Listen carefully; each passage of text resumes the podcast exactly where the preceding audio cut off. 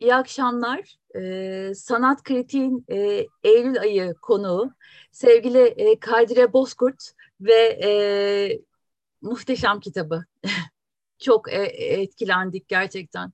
Okuyan e, kişilerle de konuştuğumda çok etkilendiklerini söylüyorlar. E, buz kandillerini ağırlayacağız bu akşam. Hoş geldiniz Kadire Bozkurt. Hoş bulduk. Çok teşekkür ederim nazik davetiniz için. Burada olmak çok teşekkür ederim. Biz teşekkür ederiz bizi kırmadığınız için. Ee, çok kısa e, bahsetmek istiyorum Kadire Bozkurt'tan. E, kendisini tanımak, peşine düşmek isteyen okurlar varsa diye. E, tabii Buz Kandilleri kendisinin ilk kitabı değil. Ondan önce de Kadire Bozkurt öyküler yazıyordu. Konya doğumlu kendisi. Çocukluğu, gençliği Ankara'da geçiyor. Hacettepe Üniversitesi Ankara Meslek Yüksekokulu ve Anadolu Üniversitesi Edebiyat Fakültesi Türk Dili ve Edebiyatı bölümünden mezun oluyor. E, iki kız çocuğu annesi. o bayağı büyük bir iş çünkü. Şu anda Bursa'da yaşıyor. E, öyküleri Notos, Kitaplık, Varlık, Sözcükler, Sarnıç, Edebiyatist, İyan Edebiyat, Öykü Gazetesi, İzdiham, Hece Öykü, Virüs, Trendeki Yabancılar e, da e, yayımlanıyor ve dolaşıma giriyor. E, ilk öykü kitabı Küçük Dertler 2015'te. Sonra ikinci öykü kitabı da Kalbin Boyutları 2017'de yayınlanıyor ama bir de 2018'de Tanpınar üzerine zamanın içinde değil mi bir biyografik roman diyebilir miyiz? Bir de böyle bir çalışması var Kadire evet. Bozkurt'un. Ee, evet. Peki e, Kadire, sevgili Kadire Bozkurt, e, Şimdi bizim artık söyleşilerimizin bir böyle ilk şey açılış sorusu gibi oldu. Bu benim çok kişisel bir merakım aslında. Özellikle kadın yazarların yazma deneyimlerine dair. Ee, yine oradan başlamak istiyorum izninizle. Sizi masanın başına oturtan o duygu, motivasyon nedir? Ne oluyor da bunu yazmalıyım diyorsunuz? Ee, ben, tabii bu çok çeşitli sebeplerle oluyor aslında. Tek bir sebebi olmuyor. Ee, genelde e, çok aklıma doladığım, yani benim bir şeyler işittiğimde, bir hikaye duyduğumda aklıma çok dolanırsa aslında şu soruyu sordurursa bana neden? Neden böyle oluyor? Bu neden böyle? Bu çok e, ve cevap bulamıyorsam eğer e, bu artık etrafını örmeye başlıyorum galiba o saatten sonra. E, aklımın bir yerinde bir şuurlu bölge var. Öyküye ayrılmış diyorum ben. Benden bağımsız sanki çalışmaya başlıyor. Ama hep o neden sorusunu soruyorum. Öyle başlıyor genelde. Notos atölyeye giderken mesela e, Semih Gümüş'ün ödevleri mesela e, bir sürü kitabımda e, şeydir. Bir sürü öyküm Semih Gümüş'ün ödevlerinden çıkmıştır. Stephen King diyor ki e, yazmak üzerine kitabında. Öykü diyor e, kulbu ve şeyiyle gelen bir fincana benziyor aslında. Kulbu ve e, bardağıyla beraber. Yani bazen bu ödevleri düşünmeye başlarken o neden diye sorduklarım e, bir kulpla beraber birleşiyor. Hani şey de derler insanlar canım ödevden öykü mü olur? O öykü okunur mu? Hani işte ödev kokar falan ya da herkesinki birbirine benzer. Evet böyle olabilir mi? Böyle olmak zorunda değil. Çünkü o sadece sizi yola çıkarıyor. Yola çıkardıktan sonra siz özgürsünüz, istediğinizi yaparsınız. O yüzden de beni e, masaya oturtan şeyler, öyküye oturtan şeyler genelde bunlar oluyor. Evet. Peki e, kitabın isminden başlamak istiyorum. İz, izninizle kitaba giriş açısından.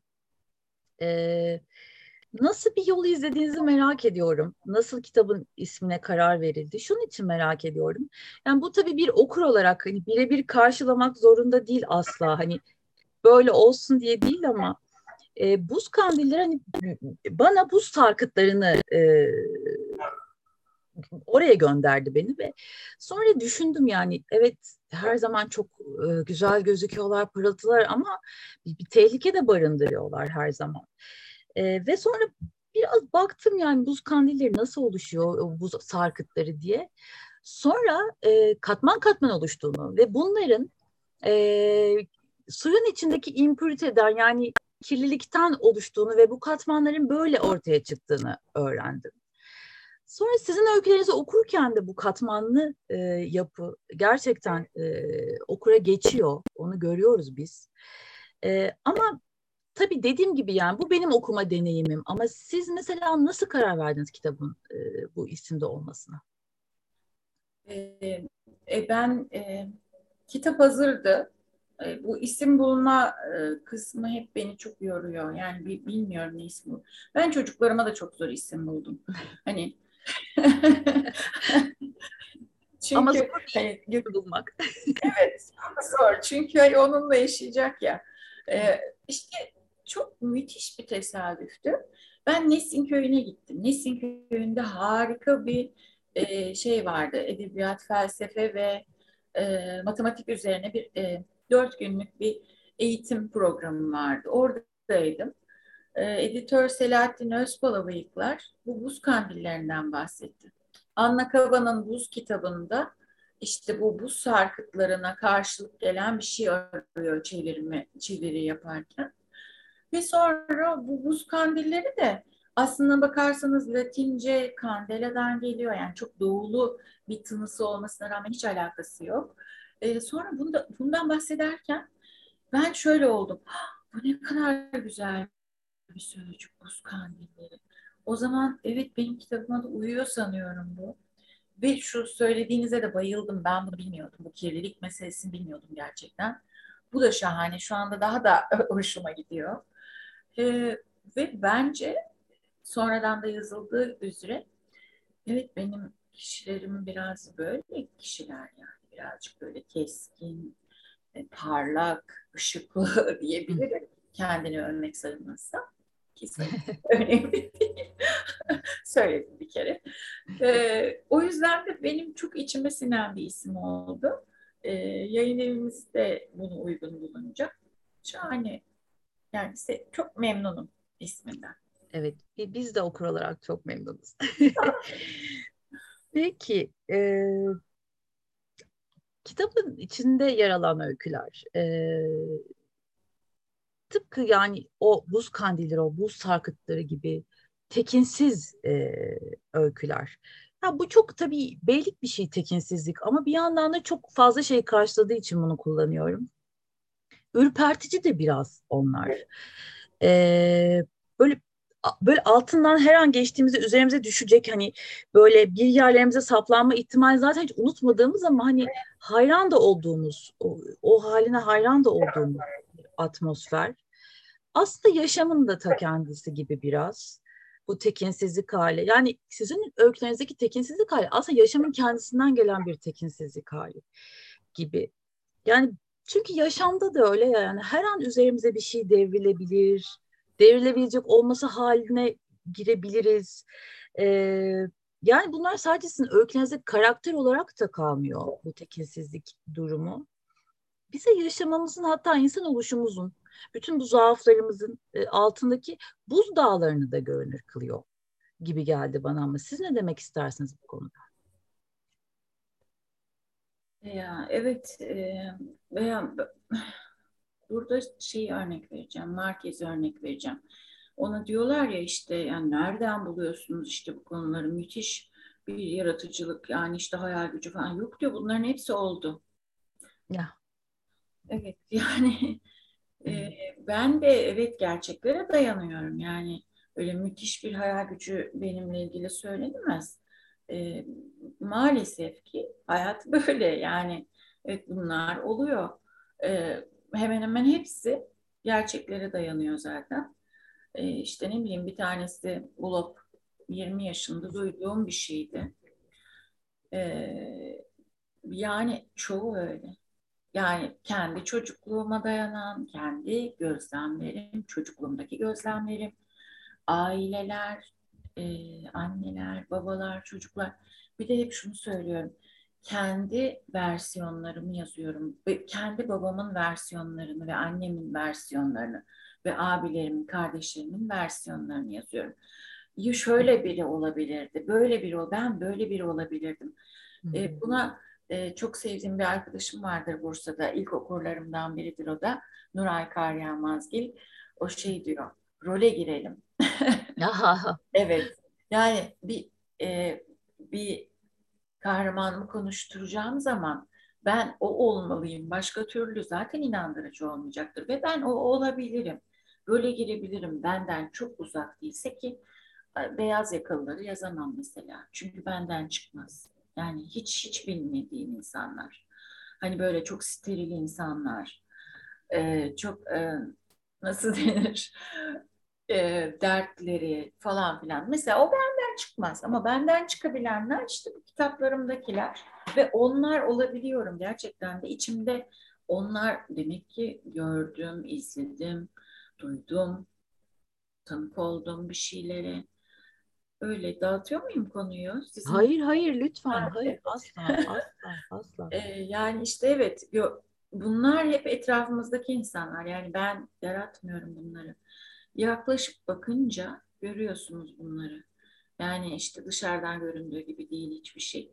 Ee, bir keresinde dört kadınlık bir otel lobisinde bir toplantı vardı ve biz işte hanımlar baş başa konuşuyorduk. O gün tanışmıştık. Sonrasında o dörtlüden e, üç kişinin tacize uğradığı çıktı ortaya ki düşünebiliyor musunuz? Yani otel lobisinde sohbet ederken e, şey işte bir tane arkadaş dedi ki ya ben e, psikoloğum dedi ki işte bunu anlatman lazım çünkü 20 yıldır saklamış kimseye söylememiş. O anlatınca öbürü dedi ki ya şöyle bir şey geldi benim başıma. Yani üzgünüm ama altını kazıdınız mı? Fena şeyler çıkıyor. Üstelik de bunlar e, süfli tipler değil ya da e, hani bu sınıf sınıflar sınıflar var ya işte yani belli sınıflara ait bir şey falan değil bunlar. bunlar Kesinlikle. Kesinlikle.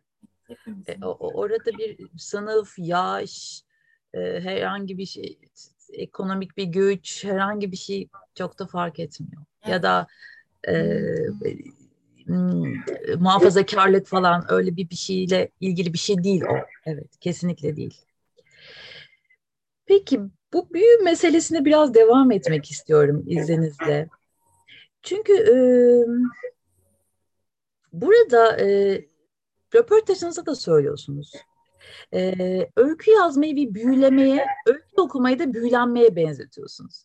Tabii Marquez'e atıflar var. Onları bir kenara bırakıyorum ama e, bunu yani bu büyü meselesini şunun için e, sormak istiyorum.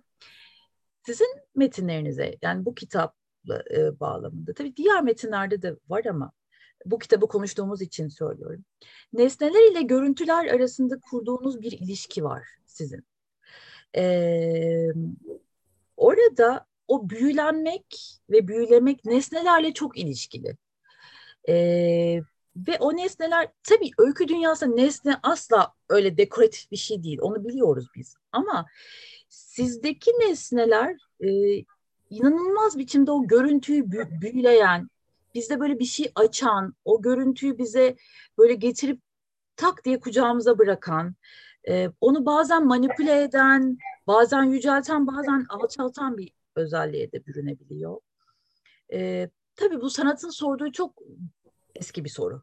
E, ama sizin için, sizin metinlerinizde bu nesne, nesneler nerede duruyor ve bu büyülenme meselesini bununla ilgili acaba nasıl konuşabiliriz? İnsan var olduğundan beri işte mağaralarda bulunan bu takılar, e, deniz kabuklarından takılar yapmışlar. Yani her zaman nesneler bizim çok düşkün olduğumuz şeyler ve aslına bakarsanız da bütün eğlence onlarda. Yani nesneleri çıkarıp aldığınızda sadece işlevsel şeyler kaldığında o kadar da eğlenceli bir yer olmuyor burası. O yüzden ben nesnelere gerçekten aşığım. İşte bu mermer yumurta önceki kitaplarımdan birinde olan mermer yumurta mesela. E, o, o muhteşem bir fikirdi. Yani yumurta çok kırılgan bir şeydir ama mermer bir yumurta. Hmm. Ya da işte bu e, yeni kitabımdaki öykülerden birinde bunu da bir nesne sayarsak, bıyığı bir insan aksesuarı sayarsak e, ki sayabiliriz. E, tek bıyıksız adam benim babamdı dediğimde bir şeyler canlanıyor gözünüzde. Yani o mahalledeki tek bıyıksız adamın olma, babası olması diğer mahalleye dair bir şeyler söylüyor. Babaya dair, babanın aykırılığına dair bir şeyler söylüyor. Farklılığına dair bir şeyler söylüyor. Yani aslında nesneler konuşuyorlar. Hepsi konuşuyor. İşte büyük e, ışıltılı küpeler takan bir kadın dediğimde ben kadını tarif etmeme hiç gerek yok. Sadece küpelerinden bahsettiğimde zaten siz bir kadın hayal edeceksiniz. İşte ne bileyim şu e, sekizgen kasketler mi? Onu takan bir adam nasıl biridir? Yani aslına bakarsanız kolaycı bir şey bu. Yani çok az bir şey söylüyorum. Çünkü e, işte kahramanları uzun uzadıya tarif etmek de bence bugüne ait bir şey değil. Yanlış buluyorum bunu. Ya da ya da şöyle buluyorum. E, şimdilerde yazılan öykülerde mesela ya tarifler çok fazla ya da eylemler çok fazla. Öyle yaptı, böyle yaptı, şunu kımıldattı, masanın üzerinde işte portakalı soydu, sonra da elmayı soydu. Neden? Çünkü sanırım yazacağı bir şey yok. Bir konu yok, bir şey yok elinde. O yüzden de işte kımıldadı, kalktı, oturdu. E, ya da işte şöyleydi, yeşil gözlüydü, mavi, mavi saçlıydı falan filan demek zorunda kalıyorsunuz. Ama öykü ekonomik olmalı ya. Eh işte büyük ışıltılı küpeler takan bir kadın demek ve sonra da ne anlatacaksam onu geçmek istiyorum. Aslına bakarsanız benim sorunlarımdan biridir o. Ben bekleyemem. Hani benim sabırsız da biri olduğum için benim işim çok kolaylaştırıyor nesneler. Ve bu birazcık da oyun gibi tabii. Ben çok eğleniyorum o nesneleri bulunca. Doğru nesne, doğru öyküde. Doğru nesne diyorum ki bu öyküyü sadece bu bile yükseltecek şimdi. Öyle bir şey yani. Ha, büyü dediğimde hani ben büyüye her türlü inanıyorum. Edebiyatta da inanıyorum ve her yerde inanıyorum. Ee, ama bunu çok ulvileştirmiyorum aslında. Onu da söylemek Hı. istedim. Evet, yani, bu çok önemli. Evet. evet, yani böyle yazar, o kutsal kişi, sanat, kutsal iş yok öyle bir şey yok yani. Bu da bir çalışma. Oturuyoruz, çalışıyoruz. Öyle olmuyor. E, ben bir öykü, bir sığırcıklar öyküsünü evet. ben yıllardır onu yazmaya çalışıyorum. O kadar çok çuvalladım ki ben onu yazmaya çalışırken. Yazıyorum, aa hiç olmadı. Demek istediğim bu değildi. 20 yıldır tekrar yazdım, tekrar yazdım, tekrar yazdım. Yani bunun ulvi ya da büyülü aslında bir yanı yok. Ama tabii ki biz öykücüyüz. Yani işte büyülerden de söz edeceğiz. Yani anlatırken de böyle e, renkli, çekici bir şekilde anlatmaktan hoşlanıyorum ama bildiğiniz sanat yani çoğu da öyle o esinler birileri geldi uykuyla uyanıklık arasında hiç öyle bir şey yok. Son derece bir iş yani bu da işte diğer işler gibi bir iş. E, mühendis ol, olmazdı benden. Ama bunu yapabildiğim için yapıyorum hani. Onu belirtmek isterim özellikle. Hani o tanrısal şey yok öyle bir şey bence. Evet. Ee, bu nesnelerle kurduğunuz ilişki e, görüntüleme görüntüleme gücü yani tabii edebiyatın böyle bir e, kudreti var. E, ama sizin öykülerinizde bu böyle daha da e, bizi içine çeken bir şey yani o görüntülerle e, biz böyle katman katman bir şeyler kurmaya başlıyoruz. Mesela ava ne olduğunu bir, bir türlü anlamıyor öyküsü. Ee, orada çok mesela çok sinematografik bir öykü o. Ee, hadi hatta bunu biraz böyle absürt bir bilinçle de yapıyor. Ee, ona doğru çeviren bir görüntüleme. Yer yer gülünçleştiren, e, trajik biçimde ama bir yandan da gülünçleştiren görüntüler onlar. İşte elbiseler, e, küpeler, e, işte o eve gelen adamın e, kürklü mantosu, e, bütün o görüntüler, görünümler. Yolculuk öyküsünde de çok önemli bir şey söylüyor karakter. İzninizle onu paylaşmak istiyorum. E, şöyle diyor, görünenin ötesindeki görebileceğim sanısına kapıldım bir an. Gerçekle aramda duran perde zar. O her neyse incelmişti. Dilimin ucundaki bir sözcük gibi yakındaydı. Sonra ardında hiçbir iz bırakmadan neyi anlamak üzere olduğuna dair en küçük bir fikrim bile olmadan yitip gitti diyor kadın karakter. Ne diyorsunuz bu görüntüler, görünümlerle ilgili e, öykülerinizde?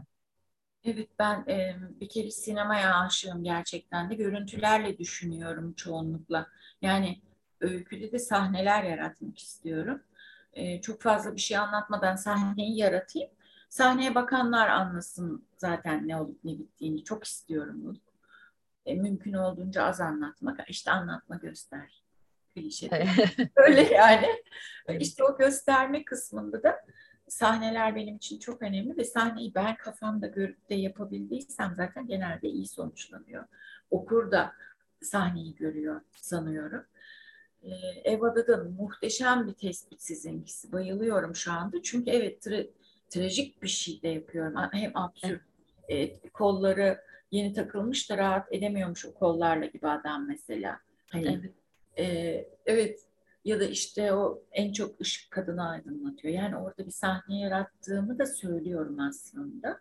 Evet. Ee, işte oyunlar aslında bunlar. Yani hep beraber o, o bir oyun e, e, sahneye koyuyoruz gibi. Sonra işte karşılığı böyle olunca da tabii çok mutluluk verici bir şey. Diğer e, şeyde de evet o benim hislerimden biri.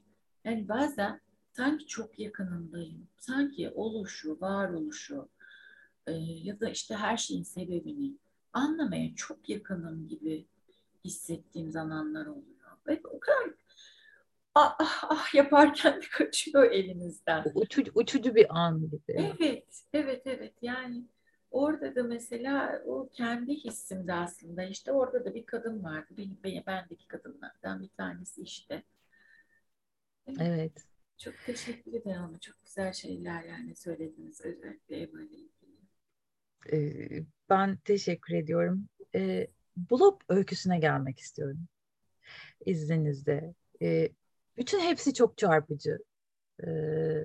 yani öyle arka arkaya o hızlı okuyabileceğimiz metinler değil. Yani böyle her seferinde bittikten sonra bir derin soluk aldım.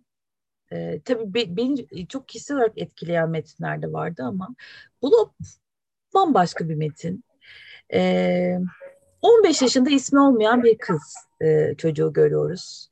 E, kumral olduğunu biliyoruz. Bir genç kız e, çocuktan ziyade tabii. E, ama defalarca tecavüz ediliyor tanımadığı adamlar tarafından. E, bu e, tecavüz eden erkeklerin her defasında böyle kendilerini egemen, haklı kılmak için o kadar doğal bir söylemleri var ki onu yakalamış olmanız çok çarpıcıydı.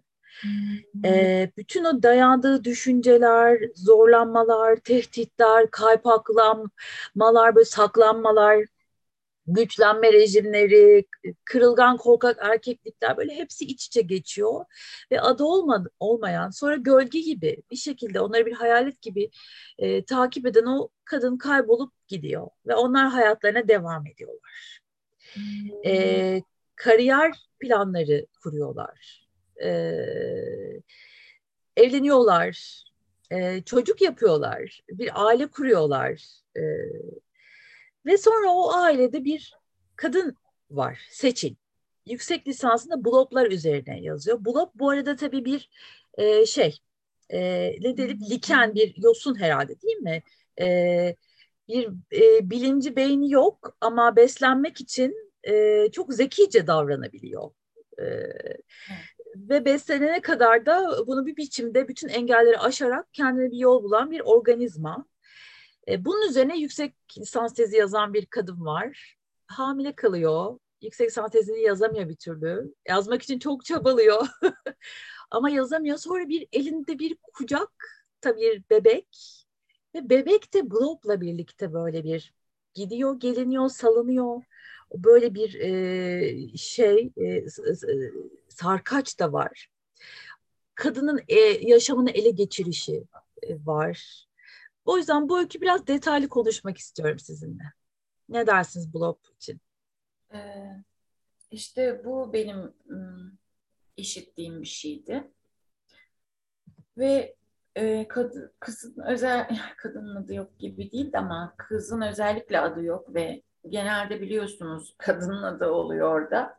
Erkeklerin adı olmuyor böyle haberlerde, üçüncü sayfa haberlerinde. E, ve e, orada işte kızı kızın eline para tutuştururlarken elleri artık birbirine değmesini istiyorlar mesela. Yani kızın evet. eline dokunmamaya çalışıyorlar. Evet. E, yani aslına bakarsanız tabii burada bu kadar etkileyici olan şey çok gerçek oluşu. Çünkü e, işte o mesela sevdiğini söylüyor kızı ve onu gerçekten kastederek söylüyor ve e, o anda öyle hissediyor çünkü. Yani aslına bakarsanız kaypaklık derken öyle doğru bir şey söylüyorsunuz ki e, bu benim çok canımı sıkan bir şeydi. İşte bu da böyle yıllarca yine e, yazıp bunu ortaya çıkarmaya çalıştım. E, şimdi sanıyorum oldu. Çünkü aslında burada absürt e, yaşamın şeyi gibi yani bir, bir özeti gibi aslında bakarsanız. Çünkü genelde ne olur işte böyle öykülerde işte karşılaşırlar bir gün. Pişmanlıklar olur, utanç olur, mahcubiyet olur falan. Hayır, gerçek hayatta öyle olmuyor. Gerçek hayatta herkes yoluna gidiyor. İşte evet. insanlar e, bununla e, şey yapmaya, yaşamaya çalışıyorlar. Ve bir taraf gerçekten hiç hiç ne mahcup oluyor ne utanıyor ne de bunu bunun normal bir şey olduğunun bile farkında olmadan yaşamıyor. Doğal bir hakkıymış gibi. Elbette öyle. Çünkü erkek böyle bir şey zaten. Ee, o yüzden e, bu öykü evet gerçekten etkileyici ve şöyle aslına bakarsanız çok zor da bir öyküydü. Yani çok. başka bir tutumla yazmam gereken bir şeydi. Yani böyle bıçak sırtıydı çünkü. Hani adileşebilir, basitleşebilir de. Evet. Ee, yani hani iyi yapılmazsa çok da sakil duracak bir şeydi. E, şu andaki haliyle beni mutlu eden böyle yüz akı gibi hissettiğim öykülerden bir tanesi. E, tabii o, o can yakıcılığında. Ben böyle bir şey söylemek istedim. E, farkındaysanız başı, sonu yani tamamen aslında bir şey gibi, enstalasyon gibi bir şey bu bir öyküden ziyade. Buraya evet. bir şey koydum ve bunu görmenizi istiyorum gibi bir şey. Buraya bakın ve bunu görün demek istediğim bir şey. Yoksa öykü e, kurallarına aslına bakarsanız kurallar varsa çok da uymayan bir şey. Yani ölçüsü bozuk bir şey aslında. Çünkü hmm. ölçüsüzce yapılan bir şey var orada zaten. Ölçü yok orada zaten. Ben de ona uygun bir tutum yazmaya çalıştım. Çok teşekkür ederim beğendiğiniz için. Ee, peki buzdolabı öyküsüne gelmek istiyorum. Ee, o da çok e, ilginç bir öykü. Ee, ve orada bir cümle var. 55 santimlik bir buzdolabı alanına 70 santimlik bir buzdolabını sığdırmaya çalışıyorlar. Ya da nasıl sığdıracaklarını düşünmeye çalışıyorlar.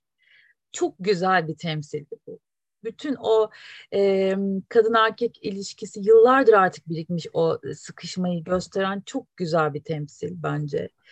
E, öyküdeki kadın karakterin bir biçimde beğenecek bir şeyler bulması, uzlaşmaya çalışması. E, orası zaten böyle tam şey e, gerilip de böyle şey olduğu bir an. E, beğenecek bir şeyler bulmaya, uzlaşmaya çalışıyor. O evi istemiyor aslında. Ama aslında hayatında da böyle sürekli bir beğenip uzlaşmaya çalışmakla uyum sağlamaya çalışmakla e, çabaladığı bir yaşam. E, hatta kendinden de bunu bekliyor yani. Bir süre sonra e, istemiyor aslında uyum sağlamak ama kendini de ittiriyor buna karşı yani uyum sağlaması gerekiyor bir yandan da. E, tam işte o kadının kendisi, evliliği, anneliği için e, bunu onun içinden görmeye çalışması e, çok kıymetliydi. Öyküde hem annelik hem de evlilik e, kadının kendini bilmesinin öndeki bir e, şey gibi engel gibi e, koca kayalar gibi böyle yani kıpırdamıyor gibi. Ne dersiniz bu konuda? Valla ben evliyim bu konuda çok da konuşmak istemem. 30 küsur yıllık evliyim. Ee, o yüzden de yani işte evliliği bilen insanlar için bu anlaşılabilir bir öykü sanıyorum.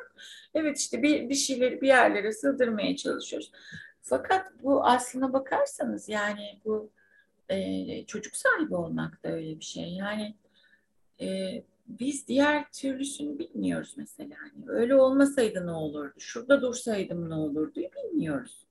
E, şu anda deneyimlediğimiz bu ve benim gözlemlediğim kadarıyla da genelde böyle oluyor bu iş yani. İşte 55 santimlik bir 70 santimlik buzdolabı sığmıyor. İşte ne bileyim zaten e, mimari saçma yani orada o Selçuklu kemeri var, orada iyon sütunları var. Yani nereden baksanız e, saçma bir mimari var. E, fakat e, yani hani ben olanı yazdım aslına bakarsanız burada da. E, sanıyorum da hepimize tanıdık gelen bir şey oldu. Yani hatta bu, bu kitabımla ilgili şöyle de söylendi aslında. Yani böyle daha çok ben kadınları hedef alıyorum ya da hani böyle kadınlar için yazdım diye. Ben yani öyle bir şey yapmadım aslında bakarsanız ama bir kadın olduğum için galiba tabii bu tarafı daha iyi biliyor olabilir. Tabii iyi bildiğiniz bir deneyimin içinden e, e, konuştuğumuz için bir de bir röportajlarınızda söylüyorsunuz aslında. E, bu yöneltiliyor size hep kadın hayatlarını işte özellikle kadın erkek ilişkilerini, evliliklerini anlatıyor gibi böyle bir sizi bir yere sığdırmaya çalışmışlar. Or- orada diyorsunuz ki Hayır ben kadınları da erkekleri de hayvanları da ağaçları da hepsini de eşit derecede seviyorum ve eşit derecede anlatıyorum. evet evet korkularımdan biri bu galiba. Hani bir yere ait olmak. Zaten ben o aidiyet duygusundan çok hoşlanmıyorum. Hiç kendim bir yere ait hissetmiyorum. Ee, o, bu, bu da iyi geliyor bana. Ben gayet iyiyim yani böyle.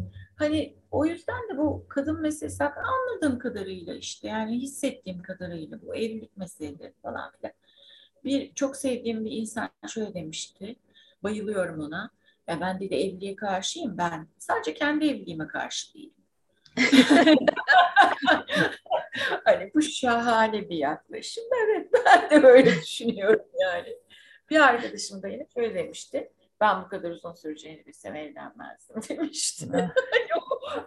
Sonu bir, bir, bir şey oluyor zannetmiş. Öyle tatlı tatlı yani bu konularda öyle çok da derine girmemeyi tercih edeceğim. Peki. Ee, Sığırcıklar öyküsü e, ve hayatın normal akışı.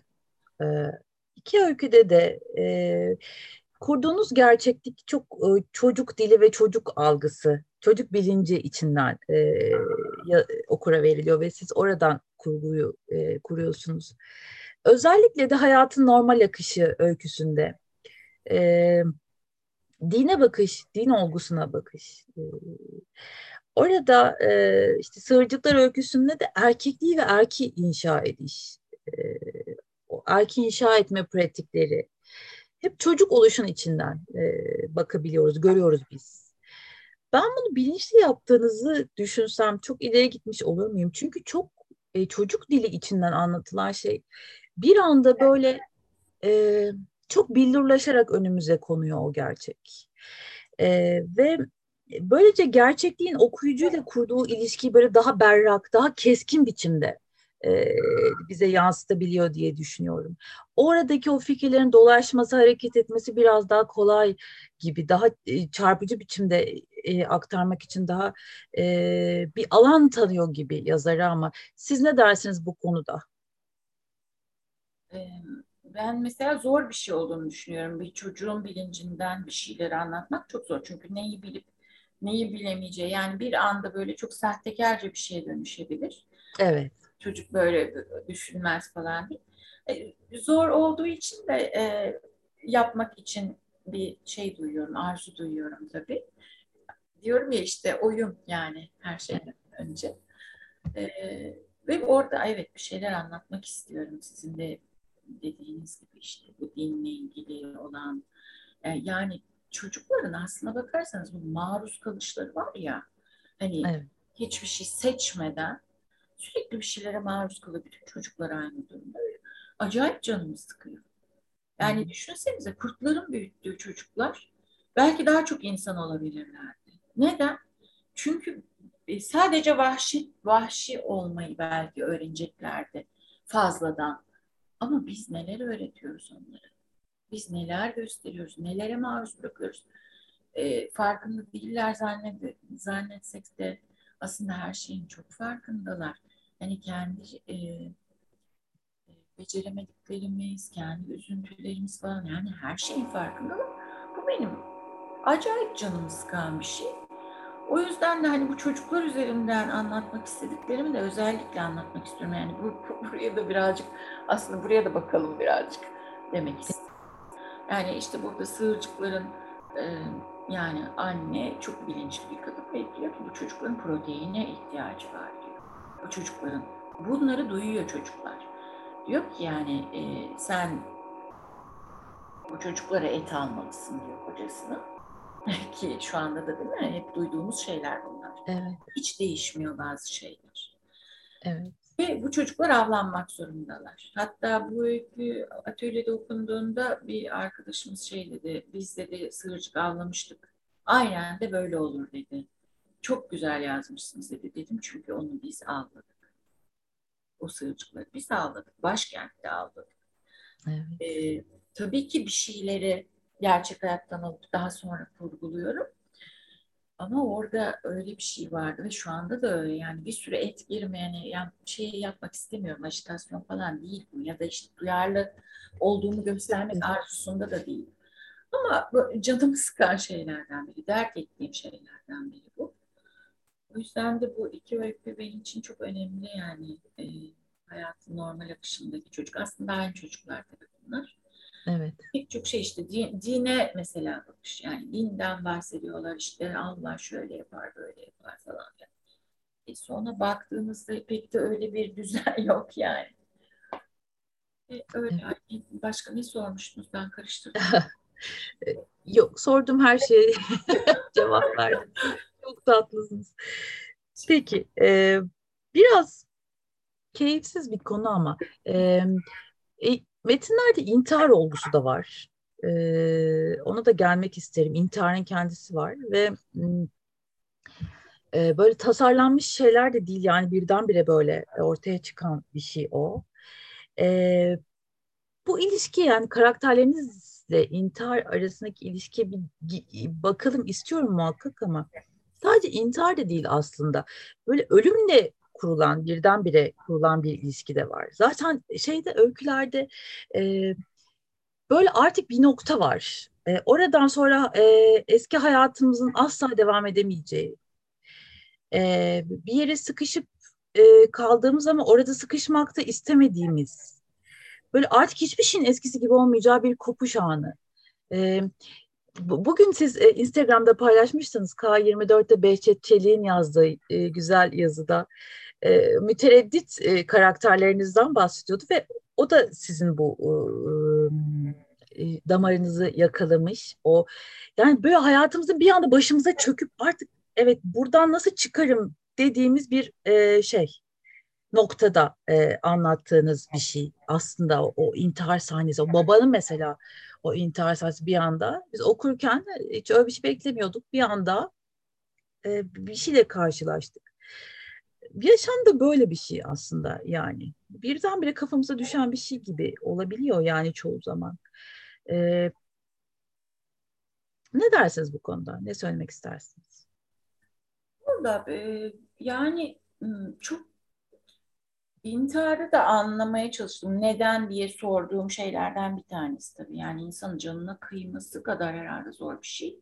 Korkunç bir şey olamaz. Yani çünkü ilk içgüdümüz o yani. Temel içgüdümüz o. Hayatta kal. Hatta e, işte intihar eden etmeye kalkışıp kendini asmaya kalkışanların son anda ipi yakalamaya çalıştığı söylenir. Yani beden aslında sıvışmak istemektedir. Beden e, akla karşı e, hayatta kalmaya çalışmaktadır. E, bu çok acayip bir şey. Yani buna karşı bir eylem gerçekleştirmek zor bir şey. Böyle yine çöz, çözemediğim bir iki tane böyle olay duymuştum. Ee, adam hiç paraya ihtiyacı yok, işte ailesinin durumu iyi falan ama hayatında ilk kez borçlanan biri. Sonra düşünmeye başlıyor ya ben bu parayı ödeyemezsem, işte ben ödeyemezsem, bana bir şey olsa bu çocuğumla karım Nasıl e, sefil mi olacaklar falan. Adam sonra intihar etti. Gerçekten oldu. Ve o, o parayı ödeyemeyecek durumda falan değildi. Gayet iyi bir maaşı var ve o krediyi de zaten ödeyebiliyor. Çok iyi bir şekilde ödeyebiliyor. Ama orada bir şeyler ters gitti sanırım. O kuruntu. Ya da bazen işte benim o öyküdeki adama da bazen çok her şey absürt geliyor galiba. Yani neden? Çok saçma değil mi? İşte giyin, oradaki pastanın üzerindeki giyin gerçekten kürkü varmış gibi görünsün istememiz. yani ki böyle şeyler yaşamışızdır. Yani işte pasta evet. ısmarlarken çocuklarımız için saçma sapan şeyler istemişizdir yani. Bazen çok önemli oluveriyor her şey. İşte ne bileyim kuaföre gidip saçımızı beğenmiyorsun. Diyoruz ki yıka tekrar yap. Ben böyle istememiştim. Neden? Çok saçma. Yani hayallere uyan bir şey. Yani işte fotoğraf alıp eline e, estetik ameliyat olmaya gitmek. Hani şimdi ben bu yüzü istiyorum. Yani aslına bakarsanız bütün oluş bazen o kadar e, absürt ki yani özellikle de bu şimdilerde. O yüzden de adamın bunu yapması çok olası gelmişti bana. Tabii orada başka bir hikaye var. Bir aldatma hikayesi bir var. aldatma hikayesi. Evet yani işte Stephen King'in dediği gibi yani işte pupa ile kulbu birleştirmek. Orada mesela güzel bir e, birliktelik oldu. Kendi evet. övmeye geçeceğim sanırım diğer soruya. Estağfurullah. Ee, peki e, öykülerinizdeki karakterler en derin yarayı e, önce ailelerinden alıyorlar. E, o işte aile metinlerde böyle çıkar endişelerinden azade olmayan, e, hınçla kurulan, o hıncı çok hissediyoruz okurken. Hınçla kurulan bir tahakküm alanı aynı zamanda. Tahakküm alanı yaratıyor çünkü. Mesela sağlam olanı kesin, aman tanrım nasıl bir öykü. yani hepimiz o sahnede olduk bence. Bir yerlerde olduk o sahnede. Ee, keza koltuklar öyle. E, aile içi ilişkilerde. Sangria beni mahvetti. Darmadan etti. Onu bir daha okuyabileceğimi sanmıyorum. E, çok yakıcı bir öykü o.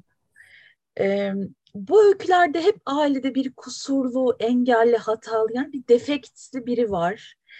Ve olağan dışı olan biri var aslında. Yani e, norm, normal dışı biri var. Normal olarak tanımadığımızın dışına çıkan biri var. E, ve orada e, onun aile içindeki algılanışı, onun hayattan bir takım e, mahrumiyetlerin oluşu e, bir hınca bir öfkeye dönüşüyor. E, ve o da bütün böyle aileyi bir şey gibi, çığ gibi kaplayıp götürüyor. E, sonra o hınç sinsice diğer karakterlerin hayatına giriyor. Başka türlü ilişkilerde birdenbire çıkıyor ortaya. E, kaçmanın, kurtulmanın yollarını deniyor o karakterler. Ama bir noktadan sonra da sanki böyle imkansız da bir hale geliyor. Bir çıkmaza giriyor gibi. Ee, bunu da konuşalım istiyorum. Öykülerinizdeki aile yapılarını. Yani bir, bir suçlu bulmamız gerekiyor. Bir şeyler yolunda gitmediğinde bir suçlu bulmamız gerekiyor. Ee, ailede böyle birinde bir sorun varsa da bir suçlu da bulamıyorsak eğer işte o sağlam olana yönelebiliyor galiba bazen. O öfke, hınç. Sırf sağlam olduğu için üstelik de. Yani onun hiçbir suçu yok. Ama e, o işte her şeyi yapabilecek olan, yürüyebilen, koşabilen, evlenebilen kişi olduğu için sadece varoluşuyla e, ne yazık ki buna da tanık oldum. Yani hayatta pek çok kez tanık oldum e, böyle ailelerde. Genelde işte sağlam olana böyle bir suç ve o da o da ne yazık ki en sonunda o suçu giyiyor. Onun o ezikliğini hissediyorsunuz. Yani e, evet çok çok ağır bir yük. Ve aile Yalçın Tosun'un bayılıyorum işte o kitap ismini Anne baba ve diğer ölümcül şeyler. Yani aile olmak, işte çocuk olmak hepsi, hepsi zor. Öykülerde öyle yani. Mesela Sangria'da da e, yani bir şeyler yapmaya çalışıyorsunuz. Hani çocuğu orada e, takıntılarından mesela değil mi bahsediyorum? Onlar da sürekli sangria, sangria, sangria, sangria. Aslında hani kusur ne? Hangimiz? Evet. Kim e, e, kusursuz ve kusurlu olan kim karar veriyor bunları? O, o, o bu sorular yazdırdı bu öyküyle işte. Yani o, o çocuk niye kusurlu görülüyor? Evet, orada o e, ne yapacağını bilemeyen bir anne baba. Normal aileler gibi, normal neyse o aileler gibi yaşamaya çalışma çabası, o gerginlik. Evet. Ve işte tabii diğerlerinin bakışı. Yani o işte o diğerlerinin bakışı olmasa diyorum ya evet. yani kurtların büyüttüğü çocuklar meselesi gibi yani bu da. Hani diğerleri onlar yaratıyorlar zaten Öyle işte o da canımız Evet. ee, peki kadın erkek ilişkilerine e, öykülerinizde bu metinlerde kadın erkek ilişkilerine de biraz bakmak istiyorum izninizle. Burada daima bir gölge kişi var, bir üçüncü kişi. Ee, o böyle hayalet gibi dolaşıyor ama bu, bu sadece yani böyle basit bir aldatma anlatısı değil, asla değil. Bunlar ilişkilerinde birbirlerini aynalıyorlar. Yani o aynada birbirlerini izliyorlar aslında bir yerde de. Ee, anlama yani onu birbirlerini anlama arzusunu da taşıyorlar. Ee, o ilişkilerin bir yüzeyde olan kısmı var, bir de derinde olan bir kısmı var. Ee, siz bu ikisini de işte tam böyle buzdağı ve e, üst ve alt o, o şeyi çok iyi kuruyorsunuz bence. Mesela korku hikayesi hemen aklıma geliyor. Bunu bilemezsin. Blob da öyle. E, ne söylemek istersiniz bu konuda? Yani işte ilişkilerde tabii hani e, pek çok faktör var. E, bir de ben galiba şeyi seviyorum yani bir şey oldu ve sonrası gibi. Yani o, o gölgeler de aslına bakarsanız o yüzden var. Yani hiçbir şey şu anda başladı ve bitti gibi olmuyor ya. Yani her şeyin gerçekten işte buzdağı gibi. Hani görünen, görünmeyen kısmı ve bugünümüzü etkileyen, geçmişten getirdiğimiz pek çok şey. Ee, sanırım bunların toplamı e, bir de tabii deniyorum yani aslına bakarsanız haberi bir şeyler deniyorum. Yani tek bir anlatım tarzında takılıp kalmak istemiyorum.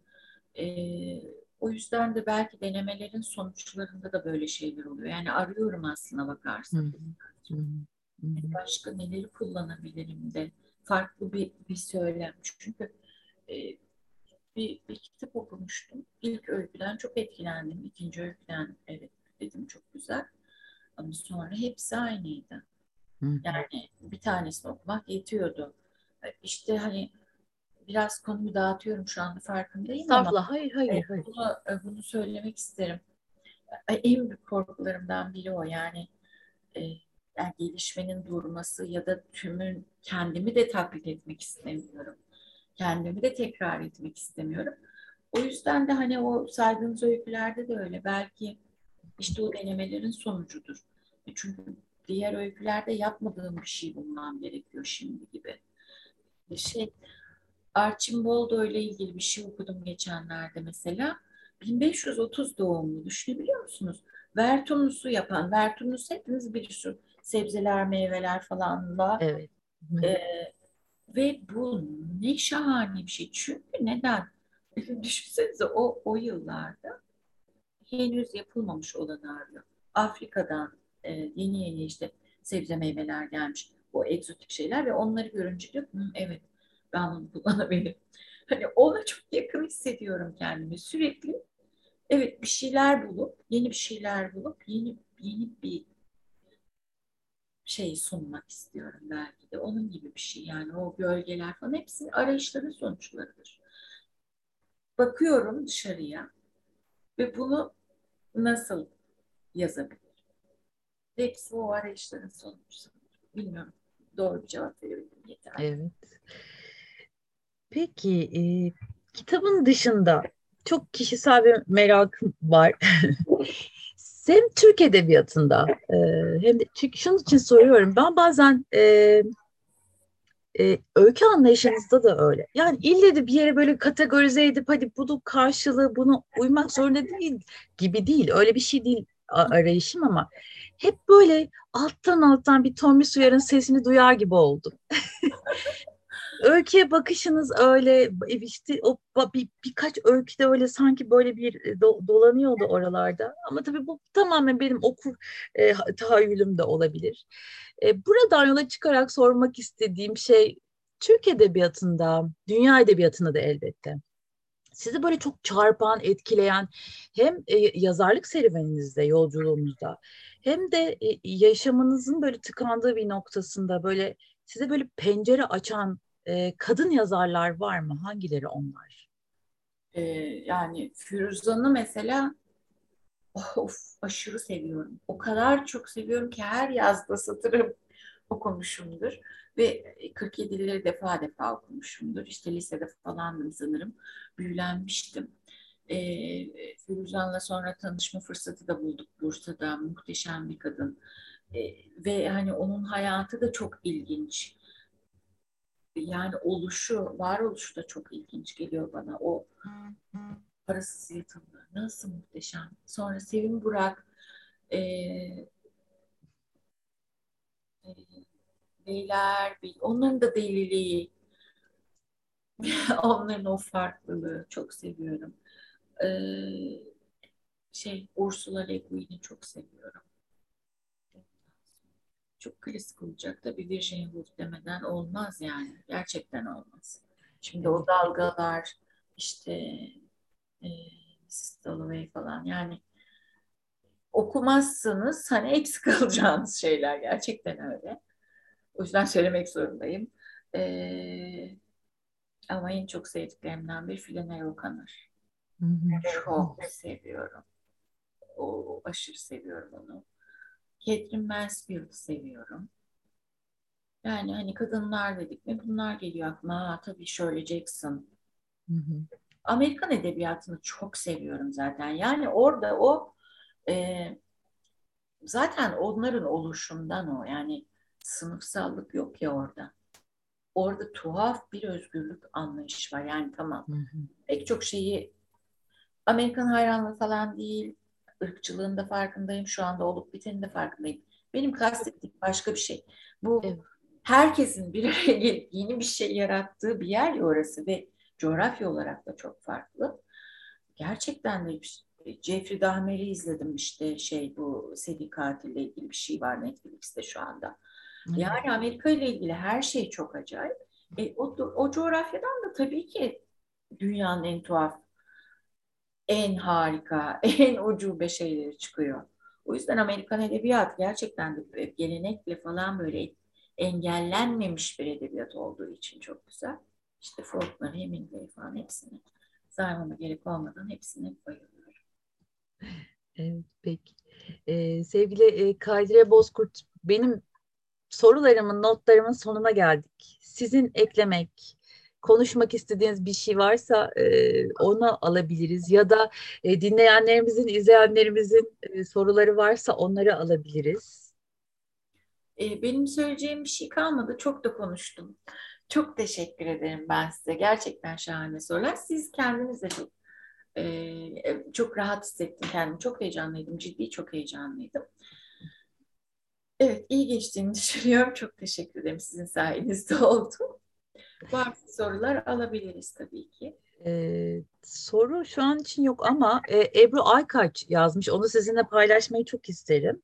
Diyor ki son derece sade ve naif bir dil fakat bu sadeliğin yanında insanı tedirgin eden bir anlatım.